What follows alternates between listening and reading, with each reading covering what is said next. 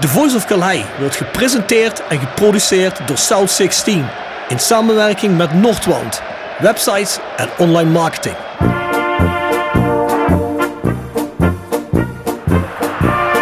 René van de Kerkhof, kom! Het hoofd van Danninga, het is het doelpunt! Het is het hoofd van Danninga, het is het doelpunt! Het is 1-1 in de 36e minuut. drink dan eerst gezellig een kopje koffie, praat met wat mensen. En een uur voor de wedstrijd ga ik dan in mijn hockey.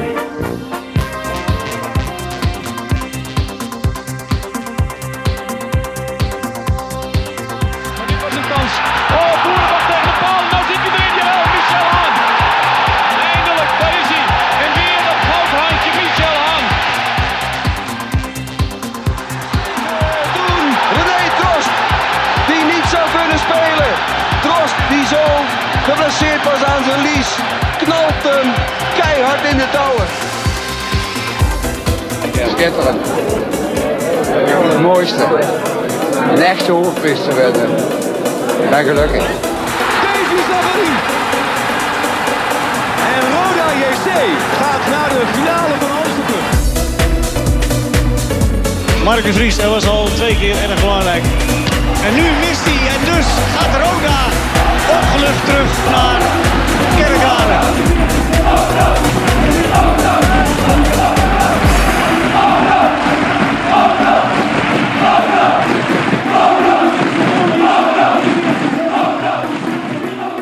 Je luistert naar The Voice of Calais. Aflevering 6 van The Voice of Calais. We zitten in het mooie Velen Ja, van eh, de Velenhof, Ingo Bulles. Ja, genieten van het uitzicht. We hebben net lekker een kaasplankje gegeten. Heerlijk. We hebben wat over eh, voetbal gesproken. Ja, we hebben vooral gesproken over hoe het niet moet. Ja, We zijn eigenlijk best wel wijsneuzen wij, hè? ja, je vraagt je af waarom wij eigenlijk niet in de directie zitten. Ja, het zal wel anders gaan. Of het beter is, weet ik niet, maar in ieder geval wel anders. Ja. Zeker. Hij, ehm vers gebrande pinda's.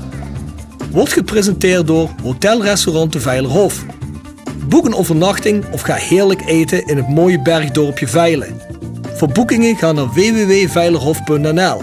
En Torapi Autodemontage aan de Locht 70. Voor al uw auto-onderdelen en het betere sloopwerk. Al 40 jaar een begrip in Kerkrade. Tevens gesteund door Fandom Merchandising. Jouw ontwerper en leverancier van eigen sjaals, wimpels en andere merchandising. Voor sportclubs, carnavalsverenigingen en bedrijven. Al jarenlang vaste partner van de Rode JC Fanshop.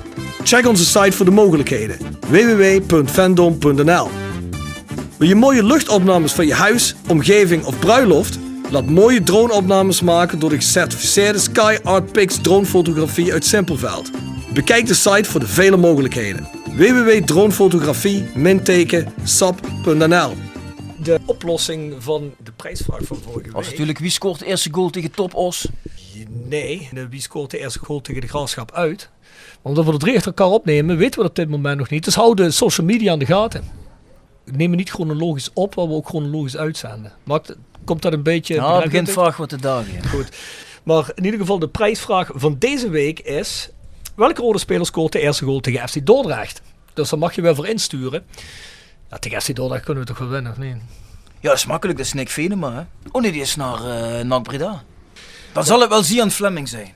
Oh nee, die is naar Fortuna. is dat een beetje flauw? Ja, dat weet ik niet. Wat jij wil. Ja, we verloten hem nu niet. Maar je kunt ook soms hier een Voice of Calais shirt winnen. Kun je tevens kopen in shop.south16.com. Dan vind je ook nog andere, veel al Roda tribune gerelateerde merch. Dus ga daar eens kijken. Trouwens, er komt er nog wat nieuws bij op de website. Een kort jassen en, eh, Oh ja? en nieuwe, eh, weet je wel, van die, van die shoulderbags, weet je wel. Ziet er goed uit, moet ik zeggen. Ik heb ze die, thuis eh, staan. Ik, ik gooi ze nog niet online. Dat moet nog even wachten tot het weer wat slechter wordt. Maar komt goed. Um, maar check dat uit, is cool. Trouwens, Ehm, eh, je zou me toch een opzetje sturen van het nieuwe Voice of Calais shirt. oh ja, ja, dat heb ik vergeten. Zal ik, eh, zal ik doen. Maar ze worden steeds minder. Ja, jullie krijgen hier onze gasten moeten natuurlijk. Wat hebben jullie voor maat? Bertjan, wat heb jij voor maat? Het varieert tussen medium en large. Ah, oké. Goed. Kijken we wel even. Extra large. Zal er kijken. Heb ik allemaal bij me, Bjorn? Nou goed. Goeie. Dan hebben wij ons mailadres, thevoiceofcalais.south16.com. Dan mag je ook je prijsvraag oplossing heen sturen. Of je suggesties of vragen of wat je ook maar voor opmerkingen hebt. Of als je boos bent, omdat wij bijvoorbeeld in de eerste podcast van dit seizoen hebben gezegd dat wij eh, ja, niet zo fan zijn van een compliance officer. En als je dan boos op ons bent, dan mag je dat ook zeggen. Ja? Denk je dat mensen ons willen mailen? Ja, daar hebben me- mensen gewezen op het, de inhoud van het prikbord, maar er waren mensen erg boos op ons. Ah, wel, wel. Voor compliance officer? Ja, ja. maar ik moet zeggen, Bart Eurlings die heeft mij uitgelegd wat de voordelen van een compliance officer kunnen zijn. Dus ik ben een tikkeltje opgeschoven. Oké. Ja, goed. Ik denk dat je dat allemaal wel kunt doen, maar ik denk dat dat eerder past bij een club zoals Feyenoord, Ajax, PSV. Als je een beetje meer budget hebt. Ja, maar nu begin je weer, dadelijk staat het prikbord weer vol. Nou, boeit me niet. Het is hetzelfde alsof ik nou zeg in coronatijd, ik heb helemaal geen geld. Ik zeg, nou, ik denk dat ik mijn Mercedes, eh, of hoe heet die bak die jij hebt? BMW wat? Eend. In ieder geval, een auto voor 80.000 euro kopen, dat strookt ook niet. Dus misschien als ik miljonair ben. Ja, maar Hey. luister, je praat nu zo, maar jij hebt me wel verteld dat je je vriendin ten huwelijk hebt gevraagd. Ja, Denk je zeker. wat dat kost? Ik heb gehoord dat de Fantalk eh, sponsort een kratje bier, dus uh, hebben we het eerst hebben we binnen. Kijk, dat was een goed begin. Alfa, Alfa, nee, nee, dat laat maar. is goed. Sorry Alfa, maar niet mijn lievelingsbier. Hey, eh, de tip van de week, Bjorn. Tip van de week. Gepresenteerd door Jegers Advocaten. Ruist de Berenbroeklaan 12 in Heerlen. Hart voor weinig, nooit chagrijnig. www.jegersadvocaten.nl En Nextdoor Kapsalon, Nagel en Beauty Salon op de locht 44A8 te Kerkrade. Tevens gesteund door Financieel Fit Consultant. Als je bedrijf kan met medewerkers die uitvallen als gevolg van financiële problemen. Nooit meer klagen over loonbeslagen. Schrijf naar charles.duurzaambewind.nl Heb je er een? Nee, die schuif ik door naar jou. dat is is meer jouw afdeling tip Dat is toch niet normaal? Nou, hey, ik heb er twee. Eh, hebben deze keer allebei niks met voetbal te maken. De eerste is, ja, mensen weten misschien wel een hardcore band. En er is een hele goede documentaire uitgekomen. Die ik denk dat die op Amazon Prime te zien is. Weet ik niet zeker. Maar die heet The Godfathers of Hardcore. Mensen die een beetje thuis zijn in die scene. Mensen misschien ook die naar metal luisteren. Dat gaat over de band Agnostic Front. De zanger en de gitarist. En, Roger eh, Muret. Roger Miret en Vinnie Stegma. En dat is echt een hele goede documentaire geworden. Het is niet zo'n, eh zo'n Limburg zeggen, zo'n billig ding. Dat is echt een goed... eh, Ik denk dat het ook voor de niet-muziek, of niet de liefhebber die muziek niet goed vindt, ook een interessante documentaire. Wat moet je hebben voor Amazon Prime? Want gaat bij mij geen belletje ringen. Een Amazon Prime app. Oké, maar je kunt me dat niet eh, doorsturen of zoiets, die documentaire. Ehm, heb je een smart TV? Ja? Ja, dan kun je gewoon downloaden, die app op je tv. Net zoals je dat met je Netflix-app hebt gedaan. Hm. Moet je daarvoor betalen? Nou, voor die app niet. Ja, dat is net zoiets als Netflix in principe. Ja, daar moet je voor betalen. Ja, dat klopt. Maar bij Amazon Prime... Ja, dat klopt. Ja, je moet een Prime abonnement hebben bij Ja, Amazon. we beginnen het al. Ja, ja, Oh, ja, wat ja. die gortig. Je moet wel Ja, die, kijk, dat eh, ging- dat ging- wel die BMW betalen. Voor mij, voor mij, voor mij was Dan moet natuurlijk... Je moet keuzes dan moet, maken, Dan moet de duurdere benzine in natuurlijk. Kijk, eh, ik rij een BMW, maar de kinderen die moeten twee keer in de week zonder eten naar school. Ah, dat is de prioriteit, hè. En dan heb ik nog een tweede tip. Dat is de Curiosity Show. Kun je dat spellen? Echt dat ik hem spel? Ja, nee, maar ik- Doe jij ze gooien. Nee, voor de luisteraar. De, cu- doe Nee, jij zeg het nog eens. De Curiosity. Curiosity. Wat betekent dat? Nou, ik denk dat de samentrekking is het curious en oddity. Dus oddity betekent een, een vreemdsoortig iets. Hè? En een, eh, of een niet typisch iets. En curious, ja, is, is Ah, als je nieuwsgierig bent. Maar Het is een podcast die gaat over start-ups en nieuwe technologie. Ik noem hem hierin omdat hij gemaakt wordt door onze vriend en mede-sponsor Patrick Wetsels. Oké, netjes. Dus, en ik heb er eens in geluisterd. Ja, dat- ja, dat is eigenlijk wel heel interessant. En eh, misschien verschijnen wij er ook in de toekomst in. Dus Oh. eh, check hem eens uit. Voor mensen die daarmee bezig zijn, nieuwe technologie. En waar vind je die? Die kun je vinden op Spotify, maar ook op iTunes. Eigenlijk waar je ons ook kunt vinden. Oké. Dus check hem eens uit als je geïnteresseerd bent in dat soort zaken. Ik ben er wel in geïnteresseerd. Ik ben altijd wat te vinden voor een goede start-up. Dus eh, wie er wil start-up met mij, bel me maar. Ben je nog start-up? Moet je nog een start-up? Ja. Nee, maar ja, kijk het. Nee? Ja, je bent al opgestart. hè? Nee, maar ja, goed. Kijk, het- Misschien wil je mij als compagnon hebben. Ik Nee, weet wel niet zoveel over recht, maar ik kan wel lang Het lullen. verschil is, je hebt veel tijd. En dan, ja, dan kun je ook heel veel van die dingen eh, bekijken en Ja, opzoeken. ja, nou, nee, wat je moet zeggen is, ik gebruik mijn tijd effectief. Mhm. Ja, daar ben ik niet zo van overtuigd. je bent natuurlijk afhankelijk van je klanten. Als je dan midden in de week naar weet ik veel waar moet rijden weer. Zo is dat, ja. Zeker. Ja, maar dat begrijp ik. Onze gast vandaag, Onze gast, dat is Don Visker. dat is hij. En Don zit hier omdat We gaan praten over het Stadion Graffiti project. En wat is dat? Dat zal Don zo meteen uitleggen. Toen ik ervan hoorde, was ik er meteen enthousiast over. Zoals je misschien zult raden, het heeft iets te maken met het beverven en het verfraaien van muren. Dan zou je vragen, wat heeft dat met Roda te maken? Maar ja, als ik al zeg stadion graffiti project, dan kun je je misschien wel voorstellen waar dat heen gaat. Dus die jongens die zijn er aan het plannen. Dat zal Don zo meteen wel uitleggen. En we willen ze vooral iemand hier in de podcast hebben die ermee bezig is om onder andere mensen voor warm te maken en lekker voor te maken. Zodat er een beetje geld verzameld kan worden. Want het, het wordt volgens mij een heel mooi iets. En ik denk dat het iets is wat voor de uitstraling van Roda en voor eigen trotsgevoel, dat dat iets heel moois kan worden. Dus ik geef over aan Don. Yes. Ja, nou, het is eigenlijk, uh, eigenlijk tot stand gekomen door een oproep van onze supporters luisterofficer. Cyril? Cyril, inderdaad. Dus uh, die heeft een oproepje geplaatst om het uh, stadion te verfraaien. Mm. Um, daar is natuurlijk door supporters op gereageerd. Um, dat is ook uh, terechtgekomen bij een partij, een overkoepelende organisatie van street art artiesten, die erbij betrokken zijn en die ondertussen al een en ander op aan het zetten zijn. Um, die street art artiesten zijn dat die mensen uit Heerlen? Dat zijn die mensen uit Heerlen, ja. Dus die bekend staan eigenlijk voor ook al die tekeningen, bijvoorbeeld de flats op de Hellerbaan ja, en in het centrum, die dingen. Alle murals en uh, ja. overige projecten inderdaad. Ja. Dus uh, het zijn wel uh, gerenommeerde artiesten. Um, dus die zijn dan in beeld.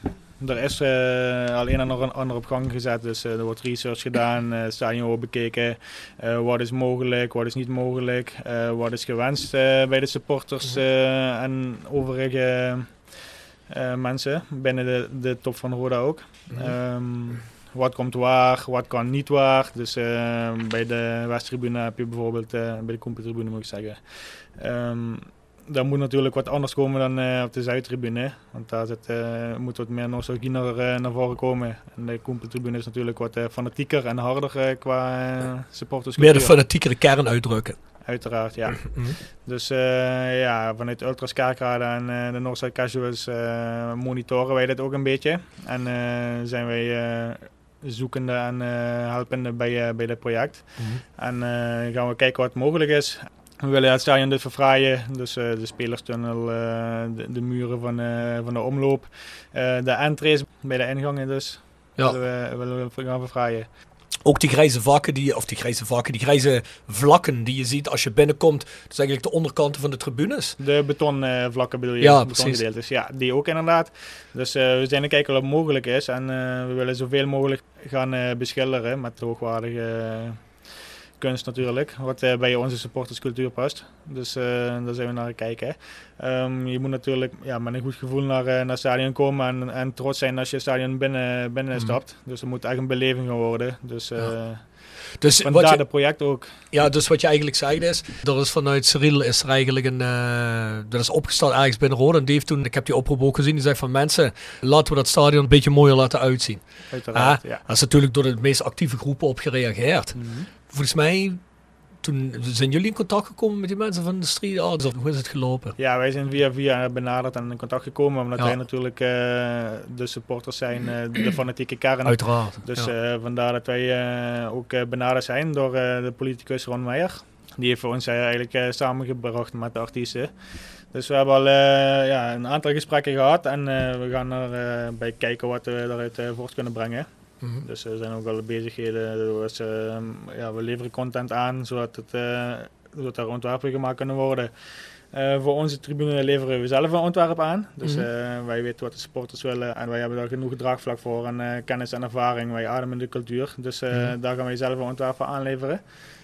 zodat het um, ja, netjes op elkaar aansluit. En ik denk dat we nog wel mooi kunnen projecteren voor ons op op de muren. En denk je dat je, nee, moet eigenlijk anders zeggen. Dus jullie monitoren eigenlijk het geheel qua designs waar het heen moet gaan. En hun gaan het omzetten. Ja, precies. We vertalen het dan naar een uh, ontwerp en uh, weten wat mogelijk is. En uh, mm. kunnen we natuurlijk heel gedetailleerd aanbrengen. Ja. Het zijn vakmensen die, die schilderen, die graffiti spuiten en ja, murals maken, street art artiesten dus.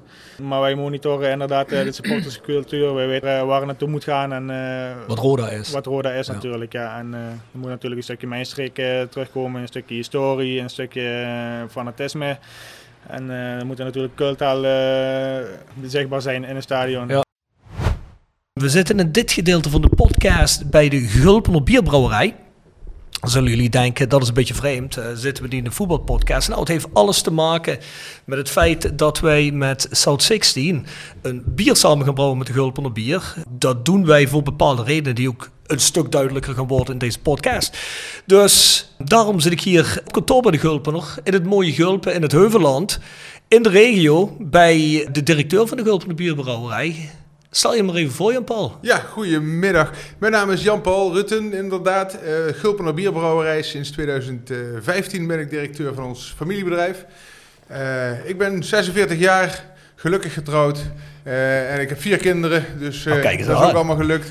Ja. En, uh, ik ben zelf dus een aantal jaar nu in de brouwerij aan het, aan het werk. mijn zus zit ook in de brouwerij, die doet de marketing en communicatie bij ons. En we zijn achtste generatie van dit familiebedrijf. Mooi, mooi. Dus uh, de Gulpener heeft echt al die jaren in de familie gezeten? Ja, absoluut. Het is in 1825 opgericht, dus nog een paar jaar, dan zijn we 200 jaar oud. En uh, het, is, uh, het is opgericht door, door de familie Smeets. Dat was destijds de, de ehm, burgemeester van Valkenburg die de brouwerij oprichtte. Hmm. En daar is op een gegeven moment bij de tweede, derde generatie een dochter geweest. En die is getrouwd met een Rutten. En dat is mijn over, overgrootopa zoiets geworden. Dus wij als familie zitten vijf generaties in de brouwerij. En, en eh, een stuk of acht generaties eh, met de familie Smeets erbij.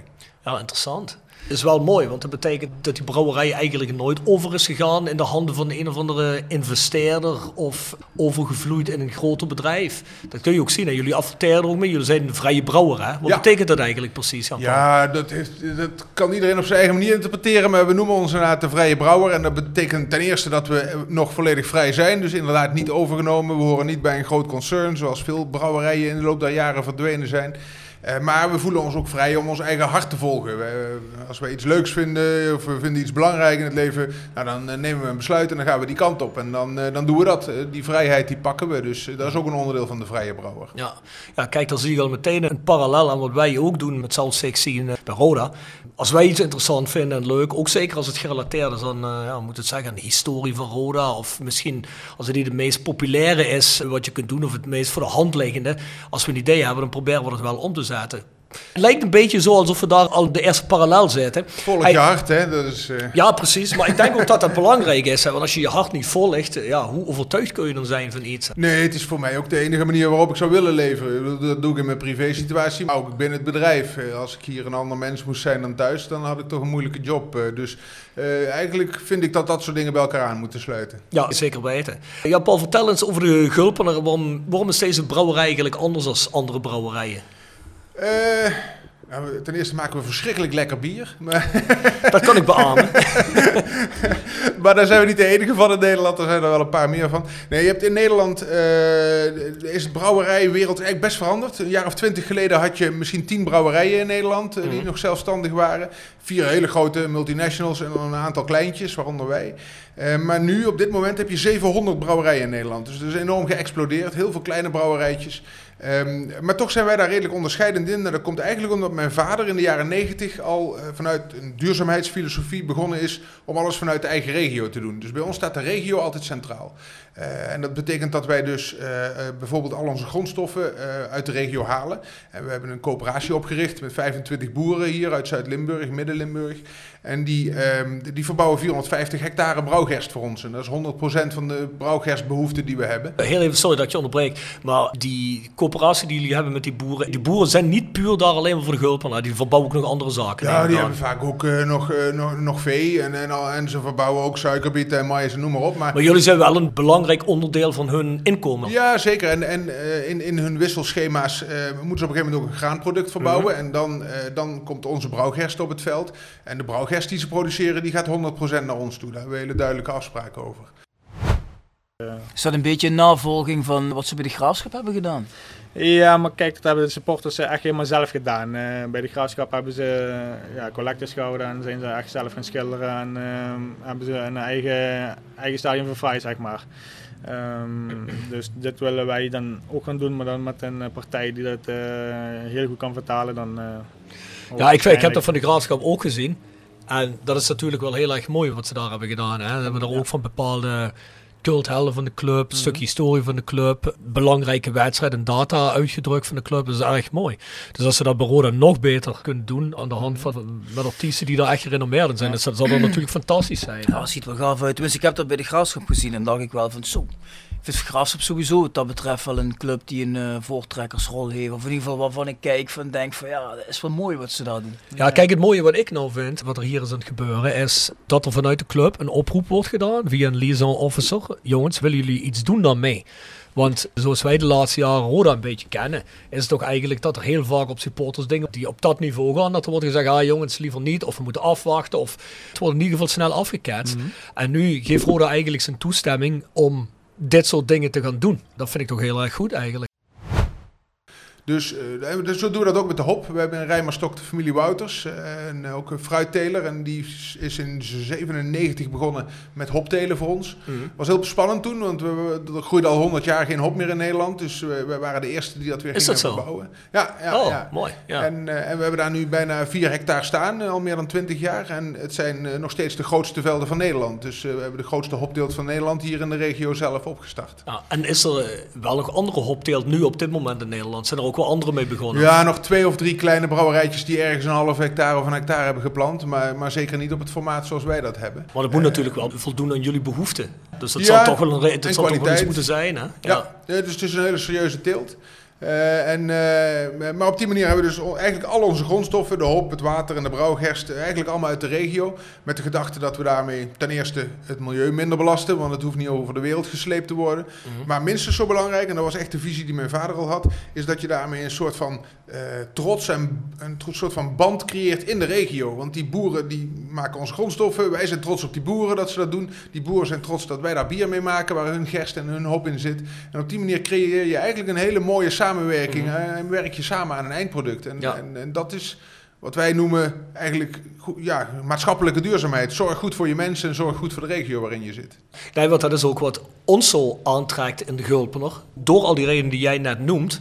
Ja, goed, het is ook ontzettend lekker bier natuurlijk. hè. Jullie durven ook wel eens een experimentje te doen. Hè. Jullie hebben een craftbierbrouwerijtje, of een craftbier, een, een Ja, microbrouwerij, ja, precies, ja. Hebben we erbij, waar je in kleine hoeveelheden ook wel eens eh, kunt experimenteren. Ja. En dat vinden wij natuurlijk een heel erg interessant iets aan de Gulpener, want het is niet alleen maar recht toe, recht aan een pils. Het is niet altijd van hetzelfde of iets wat er jarenlang in blijft. Die bieren hebben jullie natuurlijk hebben ook, hè. ja, maar deel. er zijn wel ook bieren die maar of een seizoen gebonden zijn, of bieren die, die maar één seizoen er zijn en dan misschien jarenlang niet verschijnen. Ja, of misschien überhaupt maar één keer verschijnen. En dat vind ik net zo interessant, want de connectie naar de streek, de duurzaamheid zoals jij dat net noemt, de variatie daarin. Als we hier wel eens eh, binnenlopen met een paar jongens in jullie brouwlokaal, ja, dan ben je toch altijd benieuwd, eh, zit er iets nieuws op Wat die er op tap? de tap zit. Ja, ja, leuk dat, ja. En dat zijn dingen die ken je misschien. Kijk, ik eh, ben over de jaren wel eens aan de andere kant van de oceaan geweest. Dus in Amerika, waar het hele Ja. brouwgebeuren natuurlijk ook een ontzettende ja, Vlucht heeft vlucht door. heeft Ja, genomen. absoluut, ja. Dan kom je soms in, in die bars te zitten en dan heb je, weet ik veel, eh 25, 50 biertjes op een tab. En dat zijn allemaal van die eh, craft bieren. Ja, ja, ja. En ja, dan kom je in Nederland toch, ja, moet dat zeggen, van eigen bodem. Dat je zo'n brouwlokaal ziet van een brouwerij zelf, kom je toch minder tegen. Ja, weinig, gelukkig. Eh, We vinden dat juist wel ook leuk, want eh, daar kunnen we eigenlijk onze creativiteit in kwijt. Ja, daar, daar kun je echt laten zien wat je als brouwmeester kunt, hè, en welke smaken je in het bier kan leggen. En, eh, en da- daar voelen wij ons enorm toe aangetrokken. Dat speciaal bier doen we al sinds de jaren 80, is ook mijn vader mee begonnen destijds. Maar dat waren meer de reguliere bieren erbij, de, de herfstbok en de lentebok en een Weizenbier of een wit bier, de korenwolf. Nou, dat is allemaal mooie, bekende eh, bierstijlen. Alleen ehm, die craft scene die ging verder en die ging echt veel meer experimenteren. En daar zijn we eigenlijk de laatste zes, zeven jaar heel intensief ingedoken zelf ook. Eh, dus ook de reden dat we in ons ontvangcentrum, eh, dus nou, eigenlijk is het een open horeca. Je kunt er zeven dagen per week terecht voor, voor lunch en diner en een glas bier. Eh, maar er zit ook dat microbrouwerijtje in, juist omdat we daar kunnen experimenteren en al die nieuwe smaken kunnen ontwikkelen. En, ehm, en we, we hebben dat ook eh, gedaan door bijvoorbeeld eh, collaboration brews noemen we dat. Door samenwerking het aan te gaan met, met craftbrouwers uit het land. Dus uit Haarlem of uit Utrecht en uit Amsterdam. Allemaal leuke kleine creatieve brouwerijen. En dan samen een recept te maken en dat gezamenlijk op de markt te zetten. Maar dat zijn eenmalige bieren, dus die brouwen we één keer. Dan een paar maanden hebben we die en dan op is op. Maar daar kan je wel je creativiteit en je plezier in kwijt. Ja, En, precies. En dat is wat we hier in de microbrouwerij ook doen in Gulpen. Ja, super. Jullie hebben ook een biertje gedaan met de Sint Martinus, hè? Of het vaten van Sint Ja, Martinus, hè? ja, dat is ook een hele leuke samenwerking. Dat is dan met de wijnmaker, hè? De, Ja. het Veilen, de Stan, Veilen, ja. Stan Beurskens. eh, ook een groot voetballer zelf trouwens, amateurvoetballer, eh, weet ik. Eh, dat, en die, die maakt waanzinnig mooie wijnen. Ehm, en heeft daar een hele duidelijke filosofie in. Maar bijvoorbeeld, hij kwam naar ons toe met, eh, met het idee van... kunnen wij op een manier samenwerken? En eh, wat, wat we toen hebben verzonnen is... hij heeft rode wijnvaten, die gebruikt hij drie jaar achter elkaar. En dan heeft hij rode wijn erin gerijpt en dan kan hij ze niet meer gebruiken. Dus dan, ja, dan kun je er een, eh, een regenton van maken. Maar hij dacht, daar wil ik iets anders mee doen. Naar de brouwerij gekomen en hebben we bij ons een bier uitgezocht. Een zwaar bier van 10% alcohol. En hebben we een jaar lang in die wijnvaten eh, laten, laten rijpen. Waar de wijn dus net uit was gehaald. Dus er zat nog wel een beetje wijnresten in. En, eh, en, en, en dan krijg je een combinatie tussen de, het zware bier van ons, waar al heel veel smaak aan zit. En dan de wijn en de houtsmaken van het vat wat erbij komt. En dan krijg je, ja, dat is echt een, een feest voor de smaakpapillen. Maar heel zwaar bier, 11, 12 procent. Met een enorme complexiteit aan smaken. Moet je rustig voor gaan zitten, dat soort is bier. die Gulletines, hè? Dat is de gulletines, ja. Ja, dat is ja, ontzettend lekker bier. Ja. Dat moet ik wel zeggen. Ik zag dat jullie de allerlaatste nu aan het verkopen, hè? Kan Ja, dat ja, ja, het zijn ook maar 7000 flessen per jaar. En open ze op, dus Ja. we moeten weer wachten tot de volgende Ah, vaten vrijkomen. Zo meteen ik verder ga even de, de winkel inlopen, want anders dan, eh, anders dan mis ik die laatste nog. Section Frietenboot. Gepresenteerd door Herberg de Bernardeshoeve. Weekendje weg in eigen streek? Boek een appartementje en ga heerlijk eten met fantastisch uitzicht in het prachtige Mingersborg bij Marco van Hoogdalem en zijn vrouw Danny. www.bernardeshoeve.nl En Stokgrondverzet uit Simpelveld. Voor al uw graafwerk, van klein tot groot. Onze gravels staan voor u klaar. Tevens worden we gesteund door Wiertz Personeelsdiensten. Ben je op zoek naar versterking van je personeel?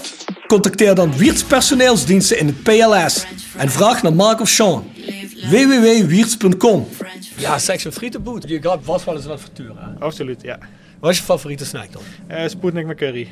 Hey, die, Nee, die hadden we nog niet. Sputnik met curry. Wacht even. even Schrijven we op. Of een smulrol, wat moeilijk. Ja, je moet nu Ja, Doe maar eentje. de Sputnik met curry. Sputnik met curry. Yes. Ja, ik ben eigenlijk heel simpel erin. Ik heb, eh, dat is dan zeker op het moment dat je een paar potten bier op hebt, dan vind Ja? ik gewoon een, een flinke bak friet met een goede, met een goede klodder mayonaise. Dan ben ik echt helemaal gelukkig. Geen snack voor erbij? Nee, dat hoeft voor mij niet. Gewoon een lekkere bak friet. Dat kan ik echt, friet eh, plus me mayo. wakker maken op het goede moment. eh. Ah, goeie, goeie. Die hadden we nog niet. Ja, we hebben de gekste dingen erbij. Het stadion zelf, dat is toch eigenlijk een bezit van gemeente Kerkrade, of niet? Dat eh, klopt, inderdaad. En die zitten daar ook in dat besluit? Of heeft Roda dat kunnen besluiten met hun dat dat kan, gewoon op die manier? Tot nog toe eh, weet ik daar eh, het fijne niet van, want ik heb eh, geen contact gehad, met mensen vanuit de gemeente. Maar ehm, het is zo dat er al voor een en ander eh, akkoord is gegeven. Dus Ja. we zouden kunnen starten met de ingang van onze tribune. Ja, dat zal de eh, gemeente het ook wel weten, is- denk ik. Ja, waarschijnlijk wel eh, ook toegezegd door Roda. Voor de rest zijn we nog aan het monitoren, zoals ik al zei. Hebben we voorwerk gedaan en zal er nog, zullen er nog dingen concreet moeten gemaakt worden, zoals ontwerpen ook. En daar komt later ook een presentatie over. Dus eh, eventuele geldschieters, die, eh, want, want het project kost natuurlijk eh, geld. Ja, dat kan me Er voorstellen. moeten natuurlijk liters verf gebruikt Mhm. worden. Dus, ehm, Ja, hoe het zit het met die financiering? ja, vanuit ons, voor de supporters zelf, zullen we een crowdfunding gaan, gaan opstarten. Op onze kanalen wordt een betalingsmanier duidelijk gemaakt en een eh, beschrijving van, eh, van het project. Die is vanaf vandaag online, hè? Die is vanaf vandaag online, ja. Ja. Dus eh, mensen kunnen daarnaar eh doneren. Dat is natuurlijk een vrije gave. En waar Eh, kunnen ze dan heen? Op welke pagina staat dat? De Ultras Kerkrade-pagina, de XVI-pagina, de bekende kanalen eigenlijk Ja. zal het eh, gecommuniceerd door worden. En dan kunnen mensen gewoon doneren wat ze willen in principe, hè? Ze kunnen doneren wat ze willen, ja. Iedere euro is natuurlijk welkom. En dat is een crowdfunding die door de fans geregeld wordt. En dan wordt er naderhand, als ik het goed begrepen heb, door jullie en de street art mensen, Mhm. Worden designs gepresenteerd om misschien echt grotere geldschieters binnen te halen. hiervoor. Precies, die worden ook eh, benaderd en uitgenodigd door de street art artiesten. Ja. Die eh, doen natuurlijk eh, een eigen crowdfunding eh, opstarten, zeg maar. Mhm. En die proberen zo mensen eh, binnen te halen. En ehm, zodra er 70% is ingezameld, eh, als ik me niet vergis, dan ehm, doet de overheid eh, subsidie toe, eh, toezeggen. De overige 30%. Oh, dat is natuurlijk netjes, hè? Dus dat is inderdaad wel, eh, wel netjes, ja. Ja. Hebben jullie ongeveer een streefgetal waar je heen moet, of is dat nog niet bekend? Dat is nog niet bekend. Er zal eh, berekend moeten wo- worden hoeveel uren erin gaan zitten, hoeveel manuren en eh, hoeveel eh, verf er eh, gebruikt zal worden. Dus eh, En als ik goed begrijp, gaan jullie ook de omloop helemaal opnieuw doen. ja, dus eh, eigenlijk alles wat mogelijk is, willen we wel eh, omtoveren tot iets moois. Mhm. Iets prijs. Nou, dat klinkt goed. Ja, daar kun je wel heel veel op kwijt hebben, joh. Die omloop is die niet pas gedaan? Wow, dat is ook al lang geleden, denk ik. Hè? Of is het gewoon, eh, is het niet de muren zelf, maar die hokjes zeg maar, waar je nu eh, drinken en eten kunt kopen, is pas twee seizoenen geleden of zo grondig onder handen genomen. Ja, toch? is dat zo kort? Ik weet het niet. Ja. Ja, plus minus inderdaad. Hè. Maar gaat dat ook weer helemaal op de schop? Of eh, wordt er gewoon Ehm, omheen ge... Daar moeten we naar kijken. Dus eh, als dat nog eh, relevant is momenteel, dan kan het gewoon blijven. Kunnen we daar iets moois van maken, dan eh, is dat wel een optie om ook mee te pakken. Ja, ja. Oké. De omloop bij Roda die loopt ja in principe van, van helemaal het begin van de ene kant van Noord tot aan de andere kant van Noord. Als je helemaal Oost meepakt, dan, als, dan kun je natuurlijk wel een hele, hele hoop historie kwijt. Hè? Absoluut, ja. En, eh, we Ja. moeten ook kijken wat op elke tribune past natuurlijk qua uitstraling en Ja. eh, wat, eh, wat die supporters eh, dan aanspreekt eh, Ja. op die tribunes. Daar heb ik meteen een aansluiting op. We hebben hier een rubriek. Tikje terug. Gepresenteerd door Van Ooyen Glashandel. Sinds 1937 vervangen en repareren wij al uw glas met veel passie en toewijding. Met 24 uur service. www.vanooyen.com En Quick Consulting. Laat finance waarde toevoegen aan je organisatie. We komen graag met je in gesprek om aan de hand van concrete voorbeelden duidelijk te maken hoe we dit ook binnen jouw onderneming kunnen realiseren. Think win-win, think quick. www.quickconsulting.nl Tevens gesteund door Roda Arctic Front. Voor jou zat Mark Luipers, die je misschien nog wel, ook Roda Clubico. En dan vroegen ons, ja wie komt er dan? En zei dat is een van de jongens van het Stadion Crafting project. En dan vroeg hij een beetje wat dat dan ging worden. En ik zeg, nou, eh, zo en zo en zo. Zegt hij, dan heb ik een vraag voor hem. Sta ik op een van die murals? Ja, die kans is, eh, die kans is ook een keer groot, ja. Dat Ja. hij eh, ook eh, terugkomt. Dat dacht ik ook heb, jongen. Dat is toch iemand die 16 jaar Het beroemd zou logisch zijn, maar ik zit even te denken, want ik vraag me af op welke kant dat wij het beste kunnen worden geschilderd dan als rode iconen met de Voice of Calais. Is dat dan Ja. zuid of west? Of misschien nog tussenin een beetje in de bocht Ja, zo, omdat wij allebei een rode termen op Zuid eh, woonachtig zijn. Dat het best is. Dat dat of, is. of voor jou, eh, als je dadelijk in de skybox op Noord zit, dat de jongens op die deur van de skybox jou gezicht even zetten. Maar daar ben ik ook niet op tegen. Daar ben ik zeker niet op tegen. Gewoon op de voorgeven, ook netjes. Ik vind het allemaal best, jongens. Ja, de- laat gaan, laat gaan. Jij, Maar- jij en Korotayev naast elkaar. Oh, heerlijk. Oh, er zijn een paar mensen worden dan boos. Die vinden dat niet leuk. Nee, doe maar niet. We moeten wel allemaal te vrienden blijven. Ja, hey, ja. eh, maar eh, oké, Mark Luipers die eh, mag stiekem ervan uitgaan dat hij misschien wel eens... eh, Ja, jullie bevelen hem aan, dus ik ben het er ook mee oké, eens. ja, dus, ja. eh, ja, Nou, ik moet wel zeggen, kijk niet met de een of de ander, even heel neutraal. Maar er is wel iemand die heeft twee bekers gewonnen met Roda. Dat is lang aanvoerder geweest van Roda ook. 16 seizoenen bij Roda gespeeld. Lijkt me toch wel iemand die in de, zeggen ze dat Duitsland, in de Nerenkreis is. eh, Van misschien de Neren Auswahl. ja, zou niet onlogisch zijn. Ja, wie weet. Wat zou wel een goede suggestie zijn. Het zou gek zijn als opeens Mikolaj Lebedinsky eh, op de muur staat. Hè, of eh Vasil Skurtaj. Nou, ik zou, ik zou, je weet wie ik graag op de muur zou willen hebben. hè? Vairine. Ja, Tim Vairine. Die zou ik graag op de muur zien. Die kon wel goed warmlopen. Die, mag, die kan goed warm lopen. Die kun je recht tegenover de Z16 ingaan. Kun je, kun je even de Nou, omloop zetten. Dan wil ik een lans breken voor Nessie. Nessie? Nessie. Wie is Nessie? Ja, Nestras Mitides. Nessie.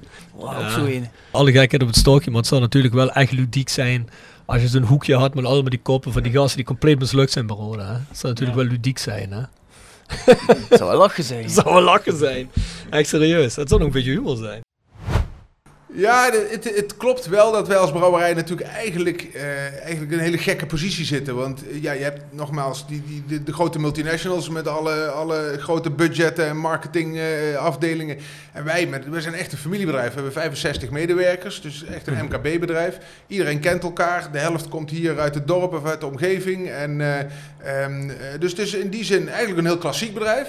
Eh, maar we zitten wel vol in die ontwikkeling van de markt. Eigenlijk een hele moderne bierontwikkeling. En, ehm, en dat, vind, dat vind ik juist een hele leuke combinatie. En hoe kun je als kleintje stand houden in die wereld eh, die, die wel heel competitief is. Er heel veel concurrentie in zit. En dat lukt alleen maar door dingen anders te doen dan anderen. En, Ja. en je toch te onderscheiden. En Ja. ja, vooralsnog eh, zijn we daar eigenlijk wel heel tevreden over. Gaat dat wel heel goed. Ja, als je dat zo van de buitenkant bekijkt, moet ik zeggen, ben ik er ook wel van onder de indruk. Want eh, ja, jullie zijn toch wel een naam in het Nederlands. Hè? Het is niet zo alsof je geen naam hebt, ook al ben je een, wat je zei, MKB-bedrijf. Hè? Ja. Je bent geen eh, multinational brouwer, je bent een familiebedrijf. Maar ik vind wel dat je je op die manier wel wel degelijk onderscheidt. Dus eh, ja, ik moet zeggen, chapeau. En we hadden het net over streekproducten en duurzaamheid voor de regio, eh, de connectie daarmee. Ja. Dit is natuurlijk ook een voetbalpodcast. Heb je zelf iets met voetbal? Jullie zijn ook een eh, streekproduct, hè? Wij zijn ook een streekproduct, ja, daarom. Ja, ja. Van de voetbalvereniging tot de supporters toe. Ja, Dus, precies. Ja, ja. Nee, ik vind het heel- juist heel typisch aan, aan voetbal. Hè. Bij Roda zie je dat volgens mij heel goed terug. Er zit zo'n extreme verbondenheid eh, met die club, maar dus ook Ja. met die streek waar dat in ligt. En eh, dat- ja, dat vind ik wel. eh, daar, daar kijk ik altijd wel met respect naar. Dat is wel iets heel moois. En dat is, dat is eigenlijk wat wij ook, in, in- misschien in een mindere mate, maar wat wij als brouwerij ook proberen binnen die streek en met de mensen om ons heen. Ik vind dat wel een van de dingen die, die je bij veel clubs eh, terugziet. Een mooi, mooi onderdeel van de voetbalwereld. De laatste jaren hebben ze er een beetje de lijn in verloren met wat rare mensen in het bestuur. Maar dat begint weer helemaal terug te komen. Op de tribunes is dat natuurlijk altijd zo gebleven. De identiteit van de supporters en de streek. Ook dat is weer een reden en een parallel. Als we al een bier ergens proberen samen te gaan brouwen met iemand, dat je dan bij de Gulpener bier terechtkomt. Ja, Want ja, zoals gezegd, dat, dat, zoals je zelf al zegt, die verbondenheid met de streek. Kijk, ik weet wel dat de brand, de concurrent, zien jullie het eigenlijk als een concurrent? Of, of zeg je, we vissen uit een ander vijvertje eigenlijk? Nou, nee, we komen elkaar in de markt regelmatig tegen. hè, Zeker hier in de regio. Kijk, voor ons, eh, Zuid-Limburg is- onze thuishaven. Hè, dat is ons eh, thuisgebied. Mhm. Eh, en ongeveer een kwart van onze verkoop zit in Limburg. Met name in Zuid-Limburg. Eh, maar uiteindelijk gaat ook, we zijn landelijk bekend. Dus drie kwart Ja, van de verkoop zit in de rest van het land. Eh, maar hier, zeker hier in de regio, da- daar zien we, eh, gaan we toch vaak wel eh, de, de strijd aan met de, onze grote broer van Heineken. Ehm, en in die zin zie ik dat wel als een concurrent op die manier. Maar aan de andere kant, ja, je, je, je hebt allebei, je bent eh, eeuwen oud en mooie brouwerijen, mooie bedrijven. Dus eh, het grappige is ook dat van oudsher onze families altijd heel goed bevriend zijn geweest. Dus de familie Brandt was zelfs de oude, de oude Guus Brandt, eh, die, die vroeger eigenlijk de brouwerij groot heeft gemaakt. Dat was mijn buurman. Hè. Ze hebben, daar woonde ik naast. En ik ging er altijd snoepjes en koekjes halen als kind. En, eh, dus eh, er zitten heel veel eh, historische eh, verbindenissen. Dat is eigenlijk wel een leuk feitje, hè? Ja, ja, absoluut. Jullie hebben een keer bier samengemaakt. Was het niet een bevrijdingsdag bier? Ja, klopt. Ja, dat hebben we bij ons in de microbrouwerij ook gedaan. Ja, volgens mij heb ik die nog gehad. Het was een lekker bier. Ja, dat was een mooi bier. Dat was heel mooi gelukt. En dat was, te- was eigenlijk vanuit de gemeente was dat een, eh, een initiatief, omdat het een bevrijdingsfeest er was. En eh, daar hebben ze twee brouwerijen gevraagd om gezamenlijk een bier eh, te maken. Dat was een leuk initiatief. Ik vond het ook wel een verrassend initiatief. Maar mooi, het was een lekker biertje, dus ik ga me niet beklagen. Ja, zoals gezegd, ik vind het een mooi project. Ik hoop dat dat, dat ook zo goed realiseert. Kijk, je denkt je natuurlijk, en dat zijn van die dingen die vind ik fantastisch. Want ik ben helemaal van, de, van dat soort dingen. Als ik in het stadion zie waar ik binnenkom, en daar hebben fans hebben daar het stadion onder handen genomen. Ja, dan denk ik meteen, nou, dit is hoe het moet zijn. Dan ademt dat meteen voetbal en, en fancultuur uit. En als dat bij Roda zo kan, en dan ook nog op zo'n schitterende manier, nou, dan ben ik helemaal fan. Want ik moet heel eerlijk zeggen, ik ben al fan van hoe we het zelf doen bij Roda. Maar als je het dan ook nog eens een keer eh, nog een leveltje op kunt krijgen met die mensen die Heerlen dat doen, want dat heeft landelijke faam heeft verder daardoor. Het zijn ook schitterende dingen die die mannen maken. Hè? En misschien ook vrouwen. Hè? Dus, eh, dus dat zou wel mooi zijn als je dat bij elkaar zou kunnen brengen op de een of andere Ja, manier. Ik denk en- dat je dan en- schitterend eh, kunstwerk krijgt. En ook tof dat Roda daarvoor open om dat te doen. Ja, vind ik ook fantastisch. Dat, dat, dat is niet iets waarvan ik automatisch Roda kennende zou denken van oh, dat vinden ze eh, goed. En Nee, dat wat ik- daar wat ik- in meegaan, ja, vind ik wel weer een positieve ontwikkeling. Ja, wat ik hoorde van dat project. En ik werd toen toegevoegd in die groep. Dat ik zei, oh god, eh, voeg me eraan toe. En ik heb er ook wel op iets in te brengen, tenminste als dat kan. Toen ik toen die groep las dat Roda er volledig gekomen was. Want ik dacht dat er eerst nog gepraat moest worden met die mensen. Toen dacht ik zoiets van, nou, chapeau dat Ja, had ik precies. niet gedacht. Ah, nee, precies. Dat is wel een compliment waard. Ja, dat vind ik wel. Maar is dat al afgesproken met investoren of weet je dat niet? Die weten er ook van of die vinden dat ook cool of... Ehm, daar weet ik er fijner nog niet van. Dus, Ja. eh, ja. Maar ja, goed, dat zal toch wel, hè? Die vereniging is van hun, hè? Dus het zal best, hè? Ja. Ja, nou, klinkt goed.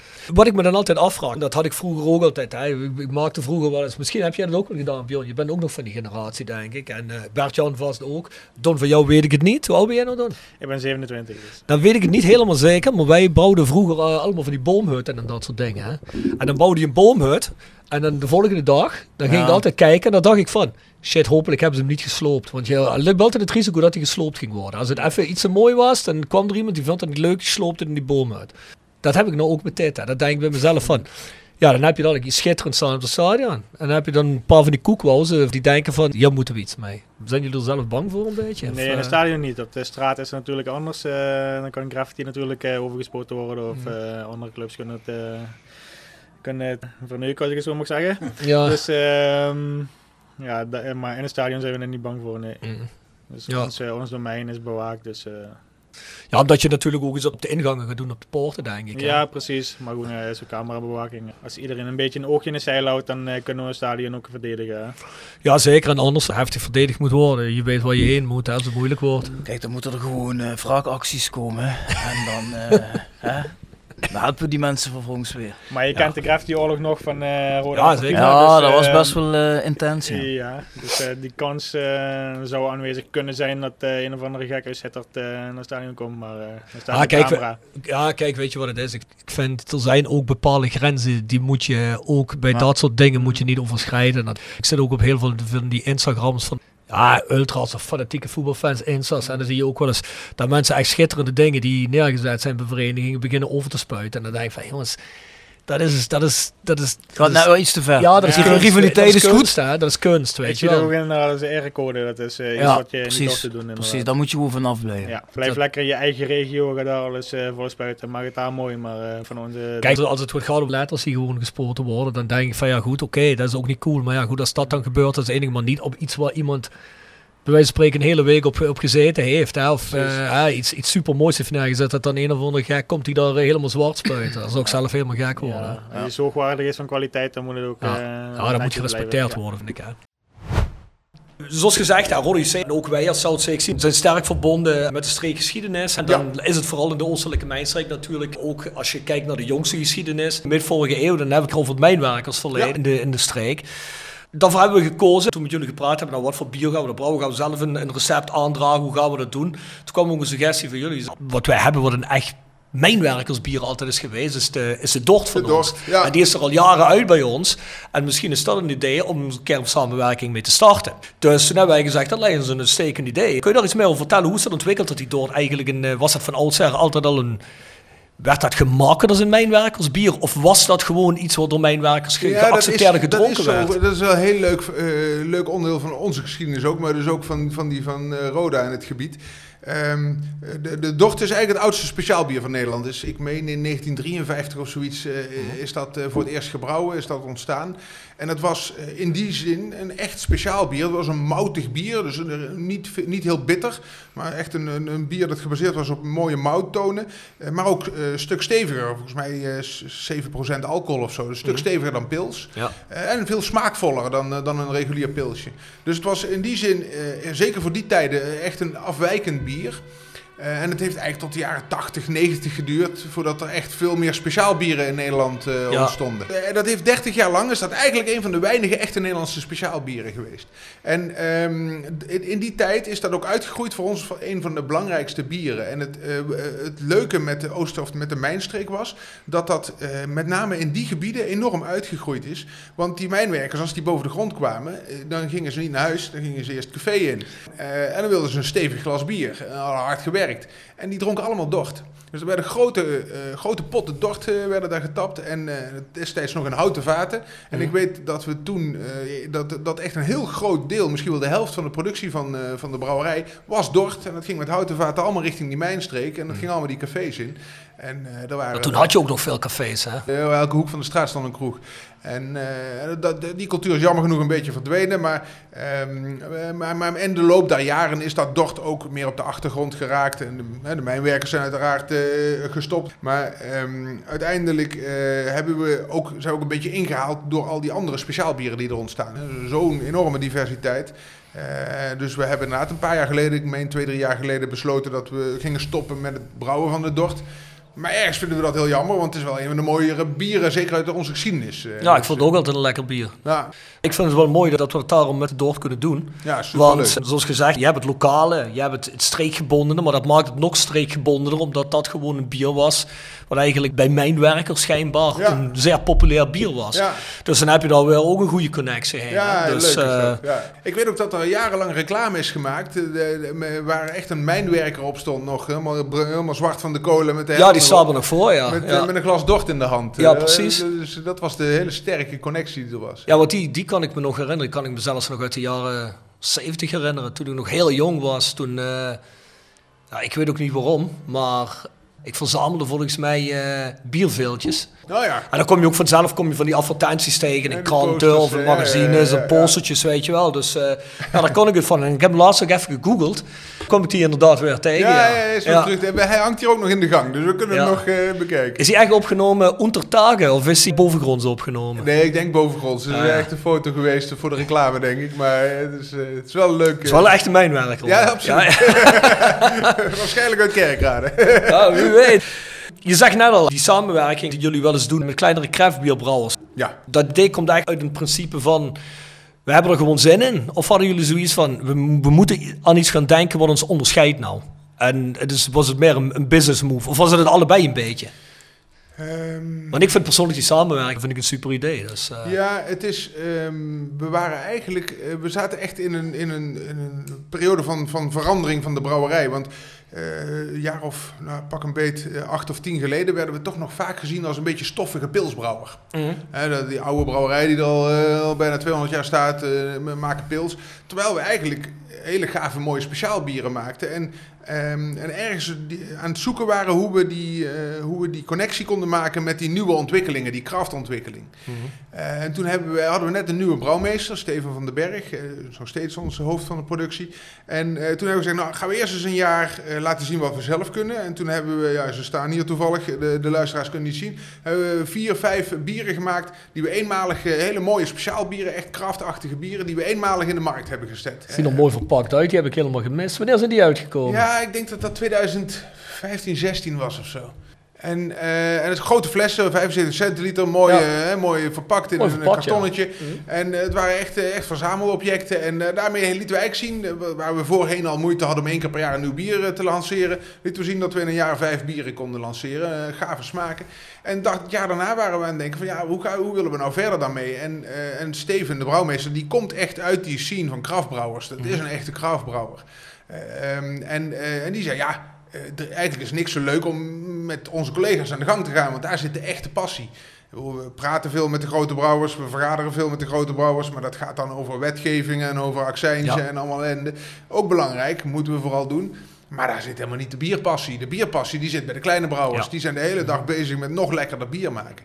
En, eh, en nog gekkere be- experimenten doen. Dus toen, toen hebben we de stoute schoenen aangetrokken. En toen zijn we een paar collega's eh, gaan opzoeken. En we gezegd, jongens, vinden jullie het leuk plan om met ons bier te maken? En grappig genoeg eh, waren die meteen heel enthousiast. Want eh, wij zijn in hun ogen heel groot. Maar we zijn wel zelfstandig. En, we- en ze kennen onze bieren. Ze weten dat we mooie bieren maken. Dus daar kwam wel, ontstond een hele leuke klik. Voor hun was het ook heel interessant om eens met een grotere brouwer te werken. Die toch parallel nog hun ideeën had. Ja, precies. Ja. Maar waar wel de cultuur van klopte. En, eh, dus eh, dat ontstond, dat was, was heel spannend. Ging of, dat, of mensen daar geïnteresseerd in waren. Maar er ontstond eigenlijk een hele natuurlijke samenwerking met die, eh, met die collega's. En we hebben er echt hele toffe bieren mee gemaakt. Ja. Ik heb er een paar van gedronken hier. Ja, dat was eigenlijk nooit een mislukking of zo. Nee, nee, nee. Het, is natuurlijk, het ligt natuurlijk altijd aan wat je smaak is. Ja, dat, dat is maar- natuurlijk. Maar bij mij moet je al echt, echt een heel slecht bier maken. Voordat die vies wordt. wordt dat dan bij hun gebrouwen? Of wordt het bij jullie in de microbrouwerij gedaan? Of wat doen jullie dan? Nee, dat doen we dan. Dat, dat vinden ze ook juist leuk om dan bij ons in de grote ketel te brouwen. In de grote en, eh, ketel, En dan, eh, ja. dan maken we ook meteen 200, 300 hectoliter. Eh, Ja.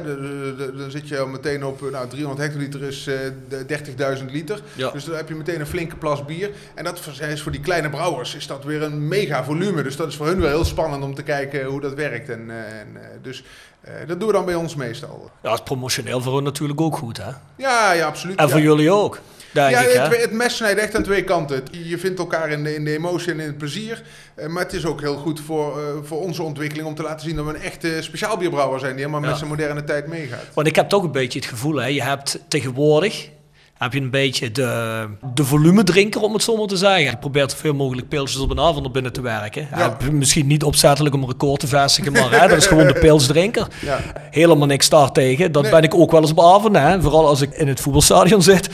maar dan heb je ook de, ja, de gepassioneerdere drinker, ik noem dat altijd de bierwazeur, eh, die toch ook de lekkerdere De biertjes... genieter, die de genieter, precies. en, eh, ja. Maar, en, en dan heb je natuurlijk nog de biernerds, die- die echt in de craft beer scene zitten en niks van, van een pils moeten weten, om het Ja, zo maar te precies, zeggen. ja. Je ziet toch zo'n beetje hoe zich dat over de laatste tien jaar heel erg uitgekristalliseerd heeft. Je zit natuurlijk op allerlei social media waar je dat ziet. Ik vind dat wel een grappige ontwikkeling, want ik, ik speel zelf in een band en die band die komt ook uit een vrij, eh, ja, dat is ook een, uit een subcultuur komt dat, Ja. hè, dus een hardcore punk metal scene. Daar is dat eigenlijk een beetje hetzelfde. Of je vindt de grotere bands vind je goed, of een mix daarvan, maar dan word je door de hele underground gasten, dus de nerds, word je al niet meer zo cool gevonden. Ja, daar hoor je niet meer zo bij. Maar ik vind altijd, om weer terug te komen op jullie, dat jullie die spagaat hebben gevonden tussen wat een pilsdrinker ook drinkt, een volumedrinker, en wat je dan ook voor die andere mensen kunt betekenen. En dat je daar ook serieus wordt genomen. Ik vind dat best knap, moet ik zeggen, want dat lukt toch niet veel mensen. Nee, dat is, dat is ook geen makkelijk eh, evenwicht. Maar het is ook echt zo dat wij, we zijn gewoon ook heel trots op onze, onze pilsners. Hè. We Mhm. hebben drie pilsners. Ons gewone pils, de Chateau Neuburg, het chique pils in het blauwe flesje. Eh, daar Dat is hebben we- beste pils. Ja, daar, daar drie, drie jaar op rij beste pils van Nederland ook mee gewonnen. Dus daar ben ik echt trots op. Het lijkt wel of ik hier een promotor ben van de Gulpen, maar het is echt, het is echt, het, echt lekker spils. Ja, Sorry, ik eh, onderbrak je. Nee, maar het heeft ook echt een, er zit een hele stevige smaak aan, Ja. een hele mooie bitterheid. Het is echt een volwassen pils. En we hebben ons biologische pils en we zijn heel, heel trots op. Maar eh, als je kijkt naar, naar de verdeling bij ons, eh, de helft van ons volume is, is dan het gewone pils. En Ja. alle speciaalbieren, dat is dan de andere helft. Dus bij ons is speciaalbier ook echt heel, heel essentieel voor de Ja, hele... ook belangrijk, ja. Ja. ja. Weet je al wanneer jullie gaan beginnen? Eh, hopelijk zo spoedig mogelijk. Dus eh, er zijn er voorbereidingen, dus ik hoop dat we een frisse start kunnen maken. Ja, gaan jullie al beginnen voordat je de financiering rond hebt? Dus in stappen? Of zeg je, we gaan pas beginnen als de financiering rond is? Nou, het eh, zal sowieso gefaseerd be- eh, gebeuren. Dus eh Mhm. beginnen bij het begin. Dus, eh, En waar gaan jullie beginnen? Ik geloof bij West, op de ingang. Hè? ja, de Koempentribune is er Ja. akkoord voor. Dus eh, wat ons als supporters betreft eh, willen we daar ook mee starten. En eh, Mhm. zo spoedig mogelijk afronden. En Roda ziet het ook graag tegemoet. Eh ze hebben zelfs al een aantal keer gevraagd eh, wanneer het... eh, Wanneer het eh, gebeuren kan. Ja. Dus die zo spoedig mogelijk. Dus eh, daar gaan Ja. we gewoon eh, mee beginnen. En dan lijkt, lijkt het iedereen het handigst als we vanuit de spelerstunnel naar buiten gaan werken. Ja. Dus als we daar een start maken en, Ja. en de mensen kunnen laten zien wat, wat ze kunnen en eh, tot waartoe ze in staat zijn, Mhm. dan werkt er natuurlijk ook vertrouwen aan. En Tuurlijk. zijn donaties ook meer dan welkom. Ja, die spelerstunnel is natuurlijk een belangrijk iets. Hè? Dan moet je eigenlijk natuurlijk iets hebben waar die spelers zeggen van, godverdomme. Ja, dan moet ik toch meteen denken aan FC St. Pauli. Hè. De mooiste spelerstunnel die er is. we- waar komen die vandaan? Hamburg. ah, ja, ja. Nee, maar mooie spelers. Heb ik alles van gehoord, ja. Ja, dat is wel echt cult inderdaad, die tunnel daar. Dat eh, moeten wij eigenlijk overtreffen. Hè? Ja. Ja, dan heb je nog die tunnel bij Schalke, die uitziet als een mijnschacht. Dat, Dat zou tof zijn. ja, nee, ik heb niks met Schalke, Bjorn, doe je me niet pijn mee. dan, moet je, dan moet je bij Marco van Hoogdalen Ja, zijn. hè. man. Ik heb al eens verteld dat ik Dortmund een mooiere club vind, maar dat vond Marco niet leuk. Nee. Wat ik mooi vind, weet je wel, dat zie je ook wel eens bij... ehm, ik weet niet of ze dat bij Feyenoord ook hebben. En Of misschien ook, eh, heb ik het volgens mij ook bij Liverpool. Waar ook echt de successen van de jaren staan. Die mensen ook zien, dit is een vereniging. Speelt niet zomaar voor een vereniging. Speelt voor een vereniging in ons geval. Die wel nog onder een andere naam landskampioen zijn geworden. Die twee keer de beker hebben gewonnen. Zijn niet een of andere klote vereniging hier in Nederland. Dat je wel een gevoel van trots hebt natuurlijk. Dat vind ik wel heel belangrijk. Uiteraard, een soort tijdlijn en een oppepper voor de, voor de spelers. Zeker. Ze gewoon eh, weten waarvoor ze het veld op gaan. Zeker. Ja. Niet zo'n afbeelding van Koempeltje of zo. Dat, Nee, eh, precies. Dat, dat hoeft niet. Het zou wel tof zijn als ze in mijn karretje zo naar buiten begeleid worden. Je bedoelt dat De ze in een mijnkarretje zitten? Ja, dat ze zo naar buiten zo opkomen. Ja. Ja, ja, goed. Ja, regelen maar Uniek dan. Regelen maar. Hey, heel even tussendoor. Jij luistert vast ook naar muziek. Ja, ja, zeker. The Sound of Calhei. Gepresenteerd door www.gsrmusic.com. Voor muziek en exclusieve merch van Born From Pain, Madball, Death Before Dishonor, Archangel en nog veel meer. Ga naar www.gsrmusic.com. En iPhone Reparatie Limburg. Voor professionele reparatie van Apple, Samsung en Huawei telefoons. Wouderpad 7 te Beek. Nou zeg maar Jan Paul. Ja, god. Heb je een lievelingsband, een lievelingssong? Iets waar je... Mag van alles zijn. Eh, dan wordt het een, een, een gouden ouwe. Nou, zeg het maar. The Eye of the Tiger. Ah, Survivor. Toch? Ja. Ja? Vind ik altijd, er is een enorme energie in dat lied. Vind ik heel mooi. Ja, misschien een beetje lijflied, of niet? Nou, ik zet hem niet elke week op of zo, maar het is wel zo'n, eh, als je alleen in de auto zit en je hebt een keer zin om, eh, om de muziek hard aan te zetten, dan is dat wel een van degenen die langskomen. Ja, maar dat is wel een underdog, een strijdlied een beetje, hè, Ja, vind ja, ik. Dus, ja, eh, eigenlijk wel, ja, ja. Het zou best kunnen passen bij de filosofie ook van de brouwerij, een beetje. Wat voor muziek luister jij? Eh, ik luister meer eh, underground hardcore en eh, drum and bass, eh, hardere techno, acid, eigenlijk. Niet mijn hardcore, denk ik dan, hè? Kan ik ook waarderen. Mijn Ja? vriendin eh, is er heel content mee ook, dus Kijk aan. ik kan het ook waarderen. Was je toen ook erbij bij de videoclip? Ja. Ja. Kijk dan, hier, kom, pump the fist. Hoppakee. heb je bij mij nog nooit gedaan. Ik was er ook bij. Ja, jij was er drie seconden. Die jongen heeft de hele avond Oh, gestaan. kijk, ik stond vooraan de hele tijd. Ik kan het niet meer herinneren, maar eh, ik heb er gestaan heel lang. Ja, ja. maar jullie, jullie stonden ook vanavond met bivakmuts op. Ja, klopt inderdaad, ja. Dat is het ook, ja. Fuck is erbij alles, hè. Dat Ja, Bjorn was er ook. Die zie ik ook weggeduwd worden. Tussen Leo Stok en Ivo Halwin wordt hij Helemaal compleet eh, vermorzeld. ja. Maar eh, één nummer om toe te voegen aan de lijst. Eén nummer om toe te voegen. Ja. Ehm, poeh, moet ik eens even denken. Mag alles zijn? Mag Mag het echt alles zijn? Ja, Alles. wij, we hebben DJ Utsi erin en we hebben André Hazes erin. Ramstein hebben we erin. Oké, dan ga ik toch eh, voor die Outside Agency Times Like These. Hoe heet het? Die Outside Agency. Die Aus wat? Die Outside Agency. Die Outside Agency. Times like this? Like these. Like these. Ja. Verdomme, die moet Rob nog even gaan zoeken, jong. Het is een wat ouder nummertje en eh met underground hardcore met drum en bass invloeden. Dus eh zal er meer een deel niet luisteren, maar eh, ik voeg hem toch toe. Dat maakt niet uit. Juist Wij, eh, daarom. we hebben een playlist. keuze. Elke gast kan hier zijn vrije keuze. Het wordt een heel kleurrijke playlist, dat weet ik wel. Dat denk ik ook. Maar hey, dat vind ik net het goede, want we zijn een vereniging die bestaat uit van alles. Oud, jong, Je mag- dik, dun. Je mag kiezen wat je maar wil, behalve Beppie Kraft. Ja, dat mag dat niet. juist, dat mag niet. Geen, geen, Babykraft. Ja, ja, arme Peppy kan eigenlijk wel wat steun eh, gebruiken. En Maar als niet- je bij Maastricht weg is, hè, mag ze niet meer. Hè. Bjorn, heb jij dan al verteld dat jij in dat koempeltje pak zit in die wedstrijden? Dat weet Don al lang, jongen. Ja, oké. Ik doe nou, alles voor geld. Ja, dat weten we, ja. Moet er afbetaald worden, jongens. Afbetaald, ja.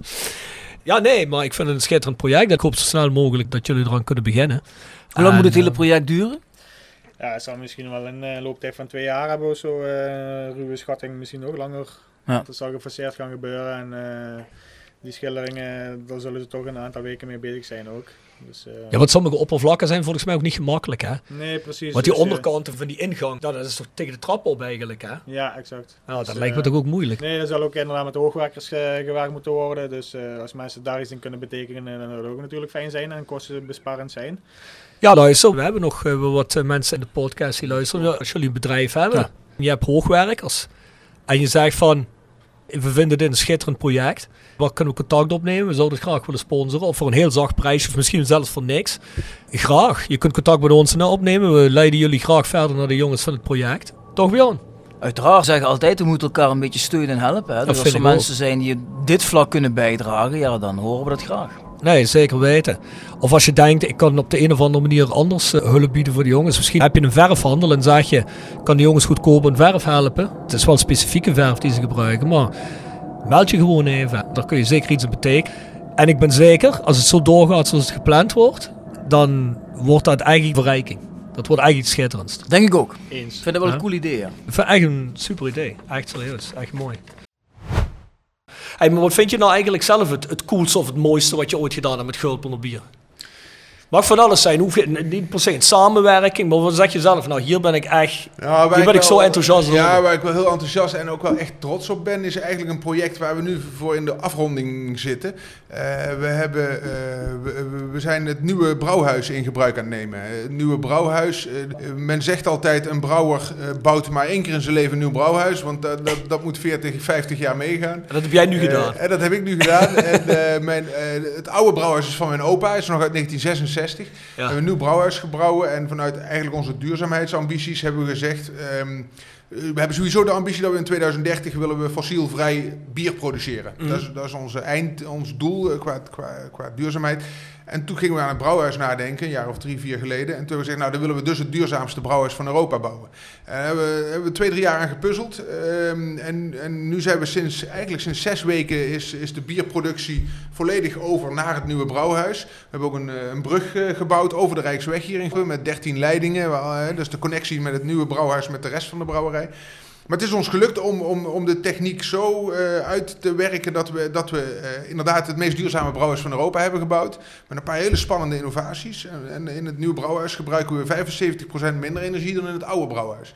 Ehm, en, en, en dat ons dat gelukt is en dat dat nu er staat en dat we de bieren nu proeven en die zijn hartstikke lekker, dat, dat, dat, dat is toch wel iets waar ik heel trots op ben. Een heel spannend project is dat. Ja, kan ik me voorstellen. Het ziet er in ieder geval goed uit. Je kunt het ook gewoon zien. Een nieuw brouwhuis vanaf de Rijksweg. Ja, vanaf oktober gaan we de rondleidingen ook geven Ja. door het nieuwe brouwhuis, dus dan kun je er ook in.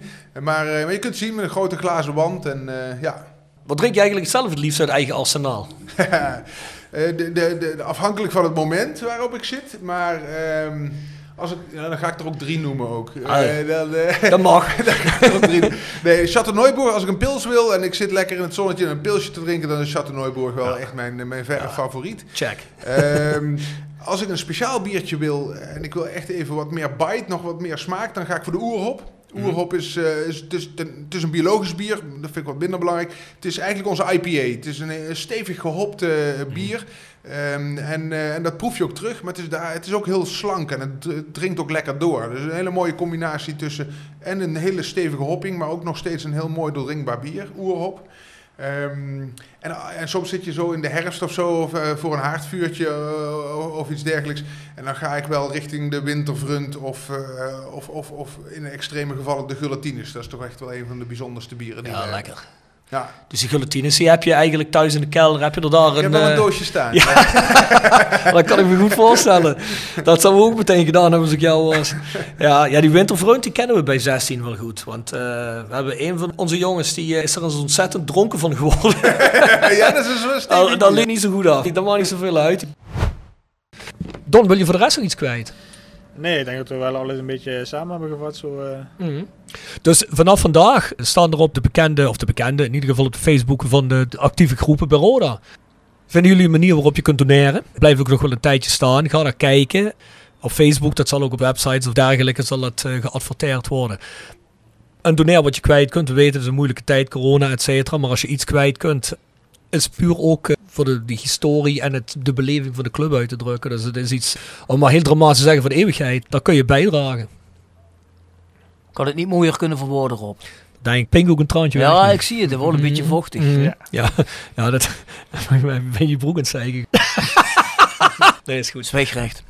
Oké, Don, bedankt dat je er was. Jullie bedankt. En zoals gezegd, ik heb het ook al eens in de appgroep gezegd, over een tijdje als het begonnen is, kom zeker terug even voor een update te geven. Dat passen we gewoon in, Ja. zodat de mensen horen wat er gebeurt. En wellicht de mensen die dan tot dan toe niet gedoneerd hebben, die dan misschien een kleine donatie willen geven. Ja, uiteraard. En inderdaad, als de eerste fase bijvoorbeeld afgerond is, dan eh, zullen er ook foto's verschijnen. En dan eh, Ja. kunnen mensen het ook gaan bewonderen. hè. En dan eh, zien ze resultaat en dan zijn ze sneller, sneller betrokken ook eh, bij het project. Ja, ik ben ervan overtuigd als ze dat zien en als het zo wordt zoals ik mijn hoofd voorstel, en wellicht iedereen dat in zijn hoofd voorstelt die er een beetje bij betrokken is, dan ben ik zeker dat mensen zeggen, ja, hier wil ik wel eh, aan bijdragen, daar wil ik meer van. Ja. Don, dankjewel voor je verhaal, jongen. Don, nogmaals bedankt voor het komen. Jullie bedankt. En tot de volgende keer voor de Volgende- update. Ja, met hopelijk gaan we verder met de muur. Ik hoop het. Hey, maar van welke andere bierbrouwerij ben jij nou onder de indruk? Groot, klein, whatever, wereldwijd, maakt niet uit. Eh, is er één waarvan je zegt van, nou, daar ben ik toch wel eh, van onder de indruk? Eh, ja, ik, ben, eh, wat ik een van de mooiere familiebrouwerijen vind, dat is in, in Beieren, dat is Riegelen, is een hele mooie brouwerij. Met, daar zit een, eh, hele, er zit een familie die daar volgens mij al bijna twintig generaties in zit. Eh, maar heel erg meegegroeid met zijn tijd, heel erg eh, mooi in zijn speciaal bieren. We hebben ook een brouwmeester, die is helemaal gek van die gisten. Die heeft iets van 100 biergisten in zijn, in zijn laboratorium opgekweekt. Nou, Mhm. Ook een biernerd. Ja, absoluut. absoluut. Ja, moet je hebben als brouwmeester natuurlijk. Ja, ja, ja, ja, ja. Maar dat is een hele indrukwekkende brouwerij. Ehm, eh, als je naar Nederland kijkt, wat ik in Nederland hele leuke, toffe brouwerijtjes, eh, brouwerijen vind, dan zit je toch snel in de kraft. Eh, ik vind, nou, ik vind even naar de iets grotere, ik vind dat La Trappe het bijvoorbeeld heel bijzonder gedaan heeft. Dat is natuurlijk een trappistenbrouwerij, maar je zit onder, de, onder het beheer of het eigendom eigenlijk van Bavaria. Bavaria is natuurlijk een mega grote brouwerij, wel nog een familiebrouwerij. Maar met La Trappe hebben ze wel een heel mooi merk neergezet. Met hele mooie eh trappistenbieren. Dat hebben ze heel knap gedaan. Een dik compliment. Eh, maar als je een heel leuk klein brouwerijtje is bijvoorbeeld Mommeriet. En Mommeriet heeft maar een heel klein brouwerijtje, met hele kleine kuipjes. Eh, aan het water ergens in het oosten van het land. En we hebben daar ook een bier mee samengemaakt, eh, een jaar of twee, drie geleden. Eh, dat was eh, een, een moutig bier, de Mount Everest hebben we die toen genoemd. Maar, ehm, maar daar zitten twee liefhebbers en die brouwen alles zelf, een man en een vrouw. Maar ze zijn enorme, enorme smaakfanaten. Dus die, die bieren zijn volledig uitgekristalliseerd tot, tot de puurheid die je eigenlijk zoekt in, in mooie bieren. En dat is een brouwerijtje dat bijna niemand kent, maar waar ik wel heel veel respect voor heb. Mommeriet. Mommeriet, ja. ja. Je kunt bier nergens kopen, je moet er naartoe en op het terras gaan zitten. En waar zitten die ergens? Ja, dorp moet ik googlen, weet ik eigenlijk even niet. Langs een vaart. Het is ook een oud, oud eh, botenhuis waar ze zitten. Een heel groot terras erbij. Klinkt wel goed. Zou ik moeten googlen hoe- hoe het dorp heet. Nou, wordt een fieldtrip. Ja. ja. Voor welke andere niet-bierprojecten hier uit de streek word je enthousiast? Eh, wat ik in onze streek eh, heel goed vind, de- naam is al even langsgekomen. Je hebt, je, je, hebt eh, het leuke, echt leuke wijnmakers in Limburg. Dat vijf jaar geleden was dat allemaal nog eh, lastig. Maar tegenwoordig heb je echt best veel wijnmakers en, en, en, is de kwaliteit ook echt goed. Eh, en, en de samenwerking die we daar met Stan hebben, eh, die ook nog eens een heel duidelijke duurzaamheidsagenda heeft. Dat hele bedrijf is duurzaam. eh, Je hebt die- over Sint Martinus nu. ja, Sint Martinus, Ja. eh, vier verdiepingen de grond in, eh, alle energie wordt hergebruikt. Dat is echt een hele, hele leuke ondernemer. Eh, dus dat soort activiteiten vind ik heel, ehm, vind ik heel tof. Ehm, wat vind ik nog meer? Ja, je hebt prachtige horecabedrijven hier in de regio. Daar zal ik niet te veel in duiken, want anders vergeet ik er weer een aantal te noemen. Dat is natuurlijk niet netjes van me. Eh, eh, Nee, dat begrijp ik. Als je er één noemt, moet je ze eigenlijk ja, allemaal precies, noemen. ja. Dus, eh, en gelukkig hebben we heel veel dus, goede dus, dus laat gebied. voordat je daar in die val trapt. Maar er zijn er in ieder geval een hoop, zeg je. Ja, ja, ja, absoluut. Nee, je hebt gelukkig hele mooie, hele mooie horeca. Heel vernieuwende horeca, maar ook hele klassieke horeca. Mooie familiebedrijven, eh, de, de, de mooie hotels. Eh, Eigenlijk kun je, eh, zijn we ons wel, eh, eh, ja, kunnen we ons wel rijk prijzen met wat we hier in Limburg aan horeca hebben. Is ook belangrijk, want we hebben ook veel toeristen. En die toeristen moeten bij goede horeca terecht. En eh, op dat gebied hebben we echt ook wel een heel leuk gebied. Een heel mooi gebied. Ja, zeker. Zo was de ene hand ook de andere. Hè. Ik bedoel, als je met de gulpen daar met je bier in kunt gaan zitten. En je hebt mensen, goede hotels, goede restaurants, goede bars die, die mensen naar de streek trekken, ook weer hierheen trekken. En zo bouw je een synergie op en dynamiek. Nee, dus, de ene eh, hand helpt de andere. Ja, ja absoluut. De, de- de- zeker, we hebben nu natuurlijk een ellendige periode achter de rug met corona. We zitten er eigenlijk nog middenin. Maar als je dan naar de horeca kijkt, die dan 2,5 maand helemaal stil heeft gestaan. De deur gewoon gesloten, nul omzet. Ehm, en dan kijkt wat er nu gebeurd is in dat Heuvelland met name. Eh, daar is gelukkig zoveel toerisme gekomen, omdat we zo'n bijzonder gebied hebben. En al die Hollanders, of ja, laten we ze maar Hollanders noemen, die gingen allemaal niet naar het buitenland, maar gingen allemaal naar Zuid-Limburg. Ja. En, eh, en, en, en, en die hebben hier een plek gevonden. En eh, ja, de streek is bijna uit zijn voegen gebarst. Maar, maar, maar het is heel goed geweest voor de horeca. Die hebben toch wel echt wel ergens weer een inhaalslag kunnen maken de laatste paar maanden. ja, helemaal inhalen kun je natuurlijk niet, maar ik geloof wel dat het echt nog goed is geweest. Ja, hè. absoluut. Dat hoor ik toch van een aantal nee, jongens ook. hè. Nee, inhalen kun je het niet. De schade is er eh, en die is, die, is, die is beduidend. En bij de een meer dan bij de ander. Mhm. Maar gelukkig hebben we dan weer toch dat plusje van, eh, van het feit dat we in een heel mooi gebied zitten. Zeker. Nou, dat lijkt me een mooi slotakkoord, Jan-Paul. Ja, nee, ik denk eh, dat, we, dat we die conclusie wel mogen trekken. We zitten hier in een eh, waanzinnig mooi gebied. Het is hier genieten. Je, het is hier, je kunt lekker naar buiten. Mooie steden, mooie voetbalverenigingen. Gelukkig ook goed bier in de regio. Ja, zeker. Niks te klagen. Niks te klagen. Eh, Jan-Paul, bedankt dat je de moeite genomen hebt. Graag gedaan. eh, Bedankt voor de uitnodiging. Hey, niks te danken. Dus mensen, wij gaan op 7 oktober met de Gulpen samen dort brouwen. Die komt in november ergens, denk eind november of zo zal die beschikbaar zijn. Midden november of zes. zo. Ja, week ja, of ja. zes. We gaan begin oktober beginnen met voorbestellingen ervoor. Misschien wel eind september. Dan zal ook het een of andere visueel online komen en dergelijke. En dan kun je ze voor gaan bestellen. De flessen worden 0,75, is toch 0,75 liter flesjes? hè? Ja, ja. Het bier gaat Glugau eten. Dat moet ook een mijnwerkersnaam hebben natuurlijk. Mooi. We zijn er eh, enthousiast over, de samenwerking. Ik zou zeggen, houd in de gaten. En we zien jullie de volgende keer. Tot ziens. Rob sponsoren, jongen. Jegers Advocaten. Heer Neil Beauty Salon Next Door. Hotelrestaurant de Vellerhof. Herberg de Bernardeshoeve. Noordwand. www.gsrmusic.com. Stok grondverzet. Rapi Autodemontage. Van Ooije Glashandel. Quick Consulting. iPhone Reparatie Limburg. Willeweber Keukens. Financieel Fit Consultant. Wiertz Personeelsdiensten. Fendo Merchandising. Sky Artspix. En Roda Arctic Front. Rode fans uit Scandinavië. Juist. Meer specifiek Zweden. Ons mailadres nogmaals, voiceofcalais.com. Stuur al je opmerkingen, stuur al je vragen. En hal mensen, vanaf vandaag staat die eh, funding voor het Graffiti-project in het stadion. En luister mensen, heel even. Het heet wel op dit moment Stadion Graffiti-project. Maar denk nu niet dat het alleen maar graffiti is zoals je die kent van langs de snelweg. Er zal er misschien ook wel ergens iets tussen zitten. Maar het wordt eigenlijk een heel project met wandschilderingen en alles. Is van alles. Roda kleuren, maar ook Roda historia. Dus hou die websites in de gaten. Hou je social media in de gaten. En doneer als je kunt. Dat was hem voor deze week. Tot ziens. Tot ziens.